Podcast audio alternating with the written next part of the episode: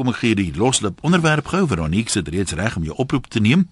Kom ons aanvaar nou vir die oomblik jy het 'n beroep waarmee jy redelik gelukkig is, jy voel jy kan jy daar uitleef of nou ten beste jy voel dis jou passie. Nou vra ons hoe dit gebeur. Wou jy van kleins af daai beroep volg? Het daar eers iets gebeur wat so aha oomblik eh, teweeggebring het toe jy besef het maar dis wat ek met my lewe wil doen? Sommige akteurs sê byvoorbeeld toe hulle hulle eerste drama of toneelopvoering gesien het, het hulle gesê, "Maar ek wil dit doen. Ek wil sulke stories vertel." Of het jy dalk toevallig in die beroep beland en toe amper daarin gegroei, jy weet, belangstelling daarvoor ontwikkel en nou is jy heel tevrede om dit te doen.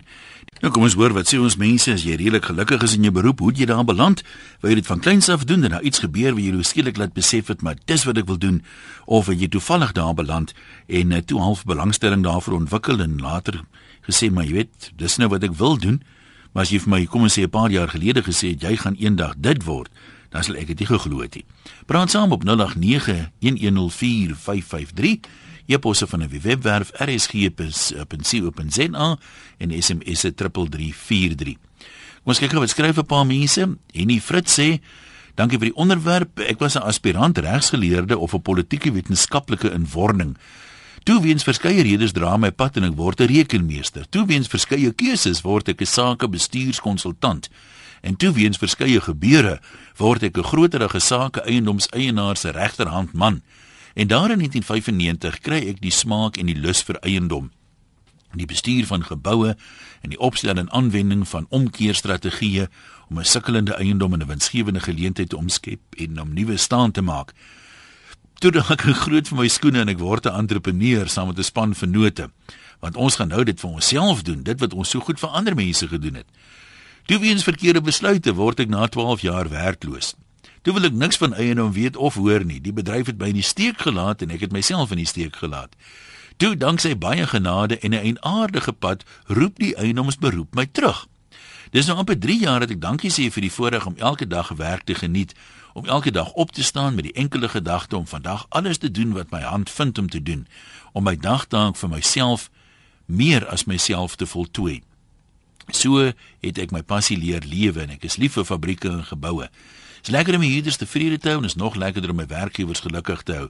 Ironies genoeg is daar elke dag verskeie redes om die regte besluite te neem en oorgenoeg ruimte om die beste keuses te maak klink of jy daai lewensfilosofie van my onderskryf ehm um, en nie dat ek meen die lewe gaan oor keuses en hoe jy vandag kies bepaal waar jy môre gaan wees en grootliks hoe dit met jou môre sal gaan. Jansie BC Een ding wat ek nou al baie agtergekom het wanneer ek na opvoedingsprogramme gekyk het, is dat daar chaos in die huis is wanneer die man en die vrou nie 'n span is nie. Maar dit lyk my het nou niks met ons onderwerp te doen nie, so dit was seker betrekking op iets anders, maar ook 'n goeie punt, hoor. Kom ons kyk hier by David in die Oosrand. David, jy is 'n onderskrywer. Nou wat op aarde doen 'n onderskrywer? Ja, ons bepaal wat is die risiko van die item wat ons verseker op die besigheid wat ons verseker. Aha. Nou, kyk, ek groot geword het.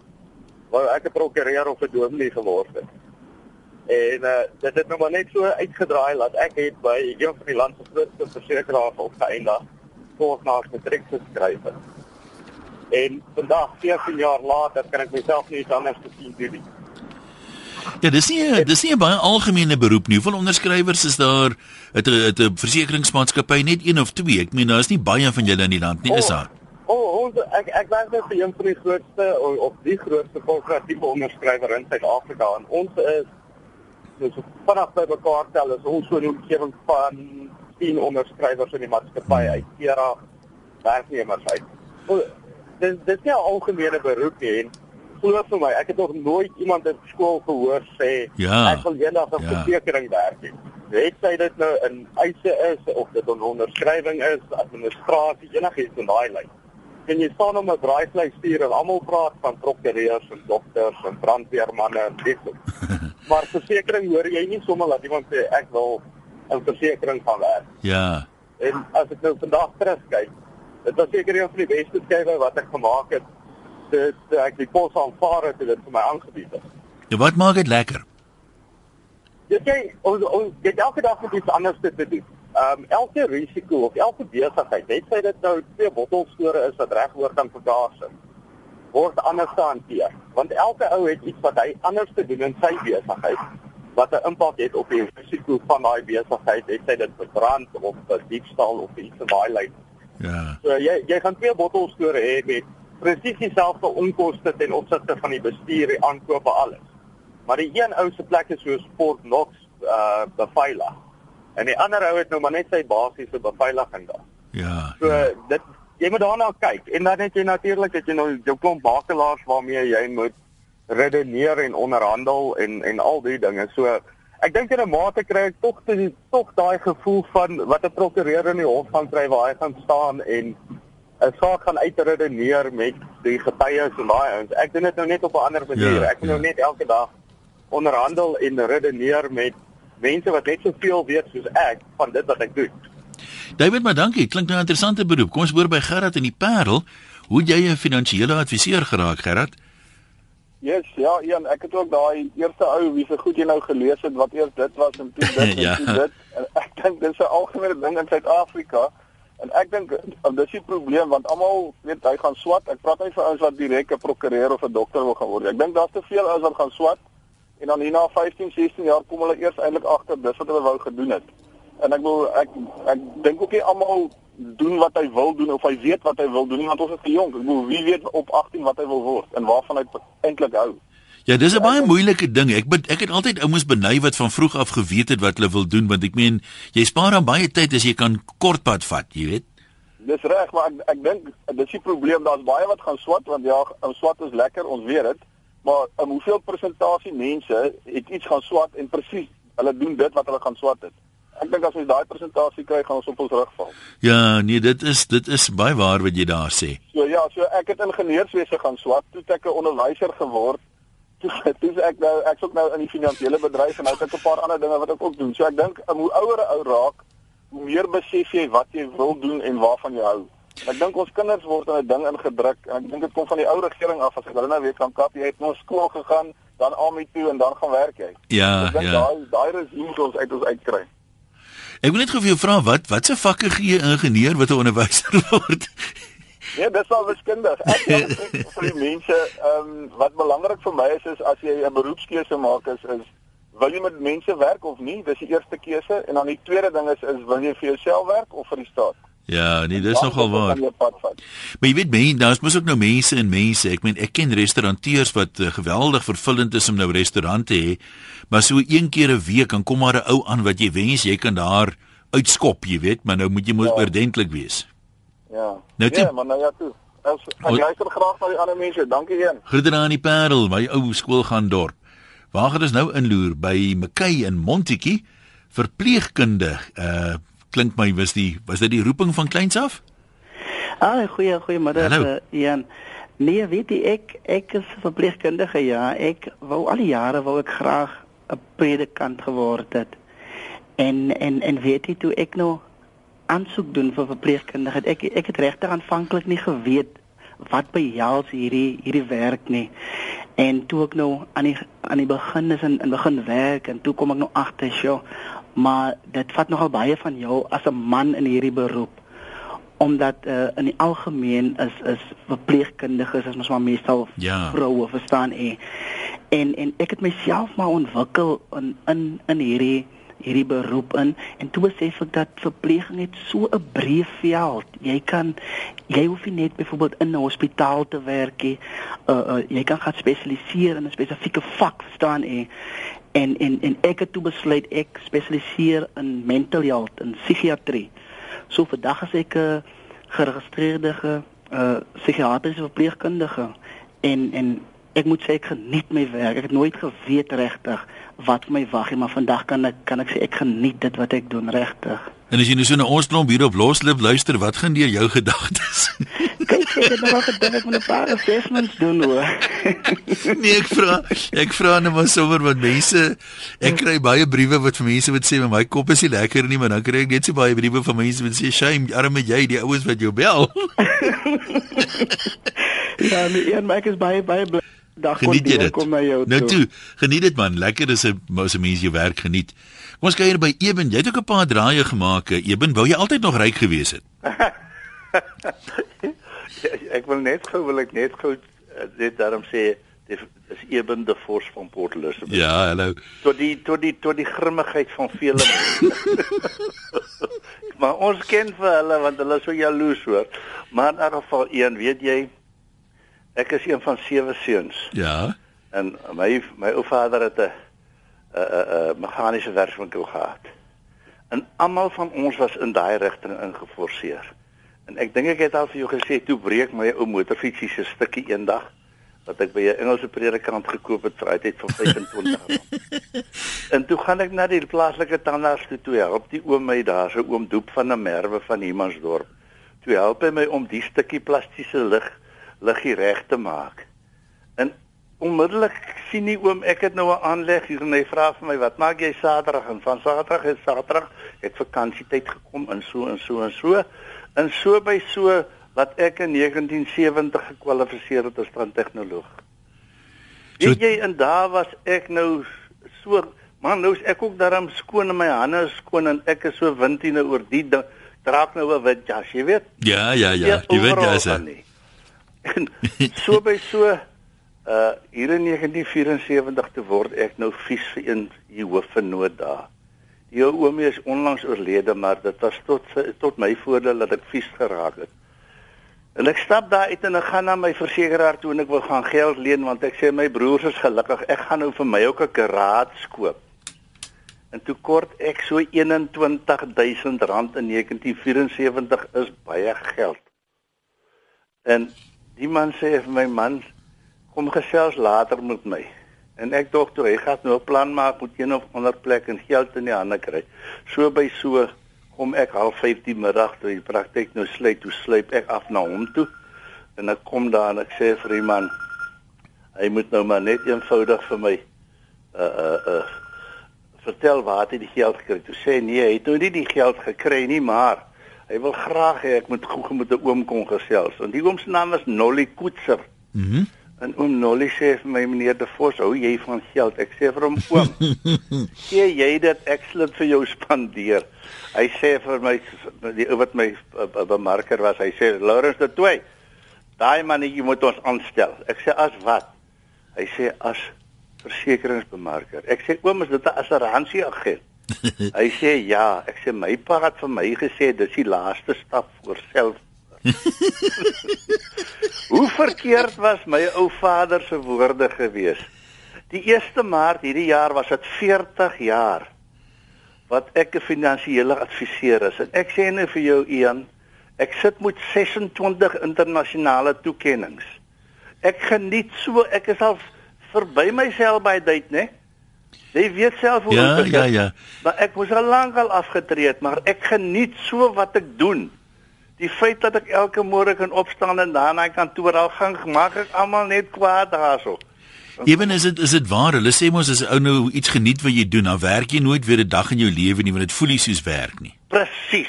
Ek het iemand sê vir my gister, 'n ou Jode vriend van my sê vir my gister, "When are you retiring to say from when did I start working then?" en die feit van die saak is as 'n man geniet wat jy doen, solank daar net genot uitkom. Die geld is 'n bysaak want dit, in effek het ek dit nie nodig nie, maar net die feit dat ek daar is en dit beteken nog iets. My verstand werk nog. En dit is vir my net lekker om daar te wees. So ek sê, doen wat jy kan, do it the best that you can. En 'n mens weet nooit, want jy het nooit gedink jy gaan dit word nie. So mense moet maar altyd jou oë oop hou en noem jy weet, geleenthede kom partymal verskans. Hulle staan nie altyd voor jou en op die bors staan geleentheid nie. Juis, juis, maar wie daai daai tyd. Toe die ou van my gesê, man, net jy self kan bepaal wat gaan gebeur. En ek het bepaal wat gebeur het in my lewe. Dit het net gewerk. Ek meen jy weet waar ek staan vandag en maak tog weer 'n draai in die baai. Ek gaan, ek gaan verseker, dan kan ons weer 'n bietjie kuier. Verseker my maat. Hooplik jy dan 'n nuwe kar want ek ek kan net nie vat kry het in 'n daai mooi rooi bees stok ou karre van jou nie. jy ben goed gaan. Dit is beste hoor. Dankie. Ek wil vinnig een of twee van uh, die bydraes lees. Hester sê ek wil van jongs af 'n kunstenaar word. Altyd lief vir teken en verf. In matriek het die skool aandagtoetse laat doen en my kunsafdeling het die hoogste telling behaal, maar helaas uh tot die beroepsonnie se oë opwaarts gegooi met die noem van kunstenaar as beroep.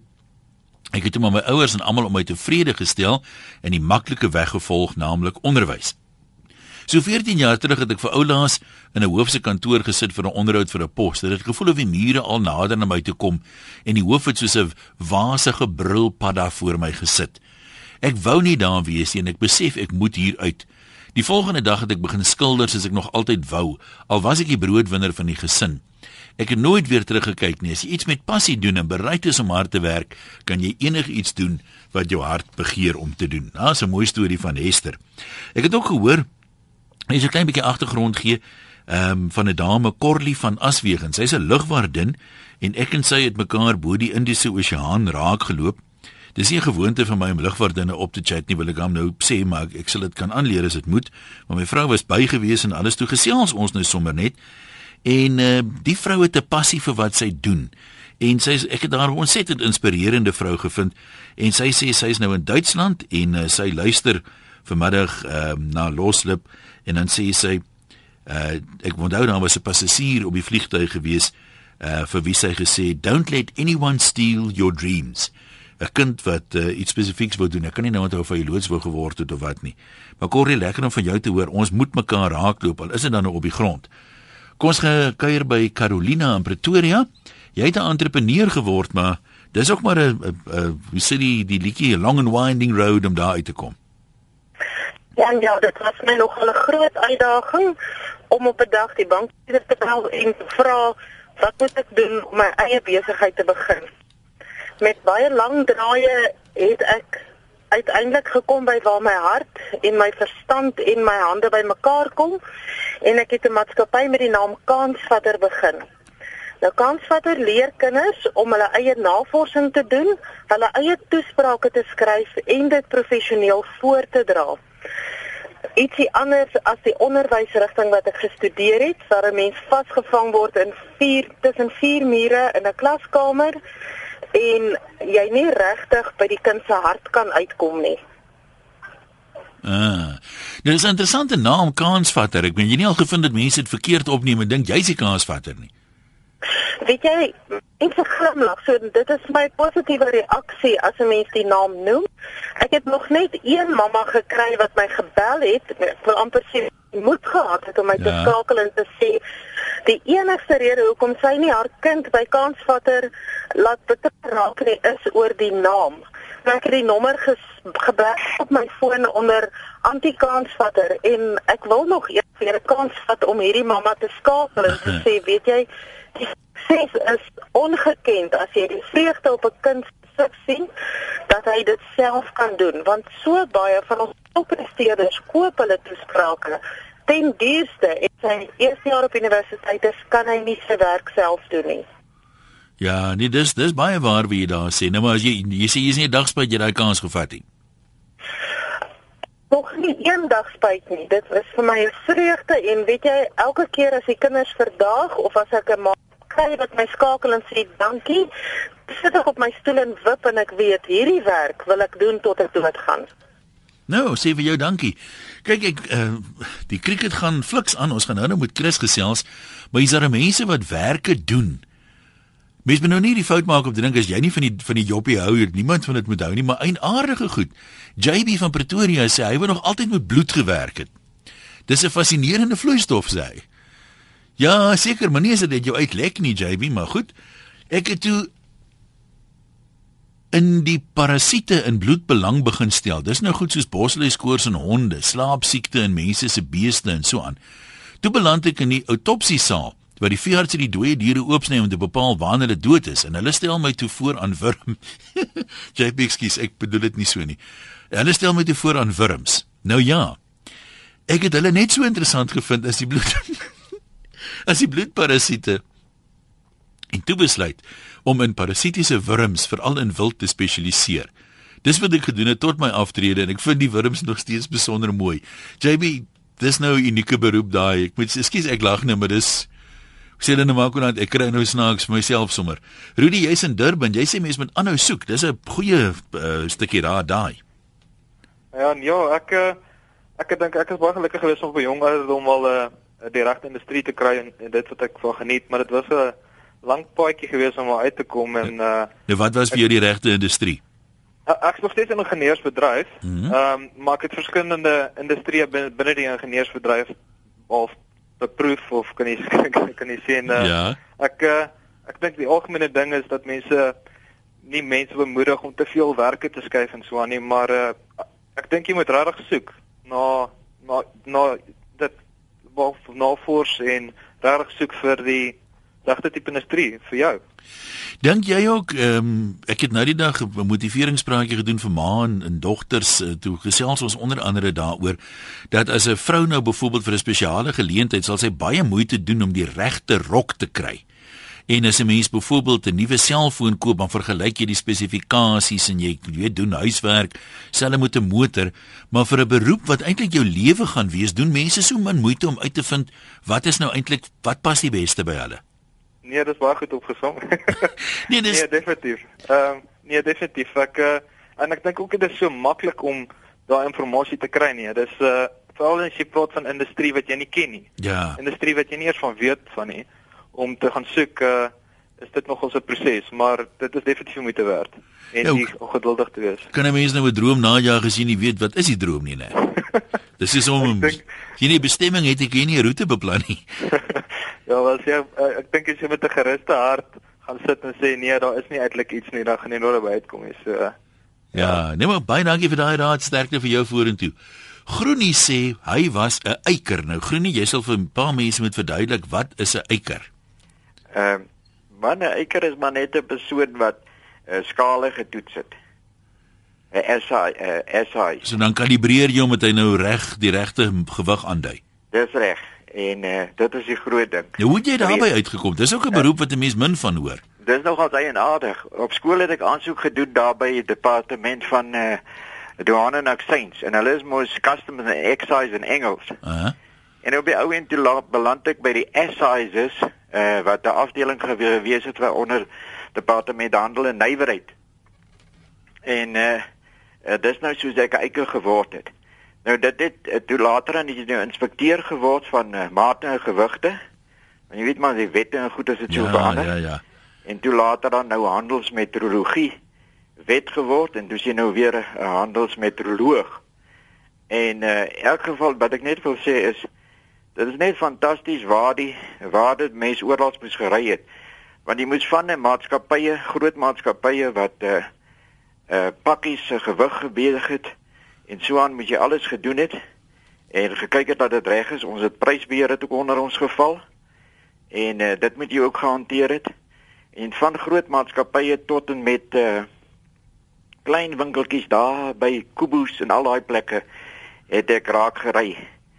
Uh ons het die gewigte gehad in 'n voertuig uh uh, uh F 100 uh ag 250 uh Ford bakkie waarmee die goed gery het.